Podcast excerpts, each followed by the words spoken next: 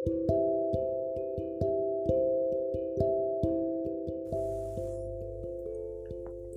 pepatah yang bilang, kalau bertambahnya umur tidak menentukan kedewasaan seseorang. Akan tetapi, kalau diulas secara matematis, semakin bertambahnya umur seseorang, semakin besar tanggung jawab yang harusnya dia emban. Semakin bertambahnya umur seseorang, harusnya semakin banyak informasi dan wawasan yang ia terima yang seharusnya juga linier dengan usianya. Hari bertambah menjadi minggu dan menumpuk menjadi satu dua bulan dan nggak kerasa kita telah melalui bertambahnya hari-hari itu dengan banyak sekali kejadian. Banyak fase yang sudah kita lalui. Fase anak-anak yang polos, fase remaja yang penuh keceriaan, fase menuju dewasa yang bersinar sampai akhirnya kita berada di titik ini. Menjadi dewasa yang kata orang-orang menyebalkan. Banyak hal yang menyebalkan dari menjadi dewasa. Salah satunya adalah sepi.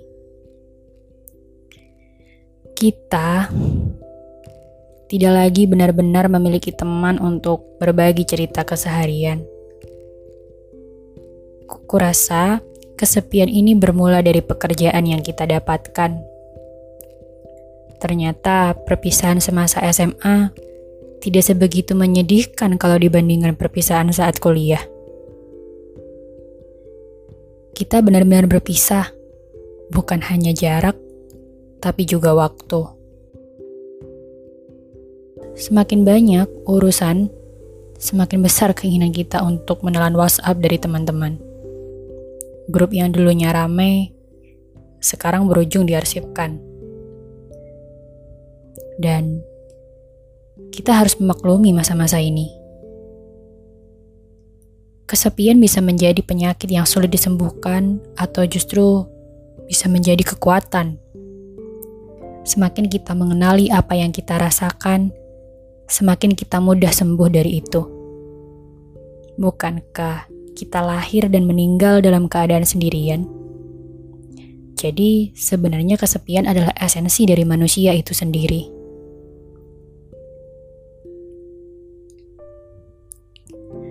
Terkadang kita suka tertipu oleh perasaan sepi ini, seperti kebanyakan orang yang terlihat hidup bahagia setelah menikah, setelah memiliki pasangan.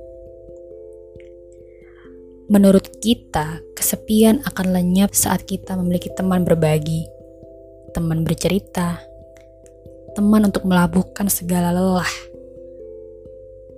Lalu, dengan cepat-cepat, kita ingin mengusirnya karena penyakit ini begitu akut, begitu menyiksa. Hal ini bahkan didukung dengan pertanyaan tetangga-tetangga kita, "Kapan kamu menikah?" Cepatlah menikah, ingat sama umurmu. Dan orang tua kita pun tidak mau kalah dengan menanyakan kiranya siapa calon pangeran berkuda putih yang akan meminang putri tercintanya. Banyak dari kita yang memberikan reaksi bermacam-macam.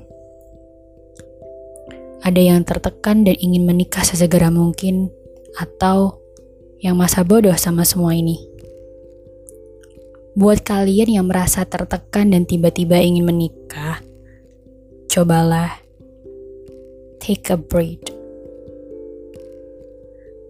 Aku tidak tahu mengapa sebuah pertanyaan klise dan membosankan ini bisa membuatmu begitu sedih dan tertekan. Begitu mengharapkan calon suami yang seumur hidup akan kamu temani datang dengan instan, hanya karena pertanyaan tetangga-tetanggamu. Bukankah Menikah harus kamu jalani dengan perasaan bahagia, dengan hati yang ringan, dan dengan kesiapan yang matang. Terkadang, cinta aja gak cukup untuk membuat pernikahan yang bahagia. So, mulai sekarang, buatlah keputusan pelan-pelan. Jangan terburu-buru. Pikirkan setelah menikah, kamu akan menghilangkan identitasmu sebagai manusia bebas akan mengubah nilai yang kamu kejar, orang yang kamu temui, dan target-target hidupmu. Kamu akan menjadi istri dari seseorang dan ibu dari anakmu nanti. Itu merupakan pekerjaan yang tidak mudah sama sekali. Selain mengkhawatirkan pernikahan karena kesulitan menemukan pria yang pas, terkadang beberapa dari kita juga menarik diri dari lingkungan. Kita merasa tidak cukup nyaman untuk bertemu teman-teman yang jauh lebih sukses dari kita. Kita begitu takut akan pertanyaan, "Kamu kerja di mana?" Lalu saling menanyakan gaji masing-masing. Tentu, setiap orang berbeda-beda dalam memberikan jawaban. Ada yang malu-malu, ada yang tidak mau menjawab karena privasi, ada yang berbohong untuk melindungi pride-nya. Ada satu hal yang sebenarnya bisa menyelamatkanmu dari semua ini, yakni berkata jujur.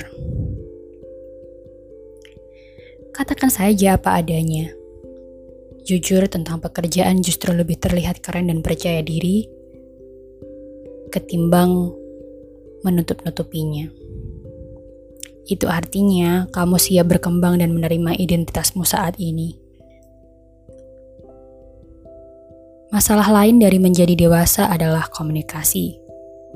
Begitu sulitnya membangun komunikasi yang baik dengan orang, dengan manusia satu, dengan manusia yang lain. Selain itu, kadang kita bisa menerima banyak sekali pekerjaan dalam suatu waktu, yang akhirnya bikin kita burn out, dan dengan berani gagah melempar surat resign. Kadang kita bimbang, mana yang harus kita pilih. Pekerjaan yang kita sukai tapi uang tidak stabil atau pemasukan stabil namun pekerjaannya tidak kita sukai. Bagiku, kita bisa memilih yang mana pun, asalkan konsisten. Konsistensi inilah yang sulit diterapkan oleh kita. Kita terlalu mudah menyerah. Menjadi wirausahawan berarti harus siap dengan banyak resiko kerugian. Lalu saat merugi, kita berhenti. Menjadi pegawai kontrak berarti harus siap dengan tekanan dan waktu yang tersita untuk perusahaan. Lalu, saat merasa begitu menyiksa, kita berhenti. Society membentuk opini dari kesuksesan dengan menggarisbawahi kondisi finansial yang melejit bagaikan roket. Kita FOMO. Ada orang yang sukses kayak gini, kita pengen kayak gitu.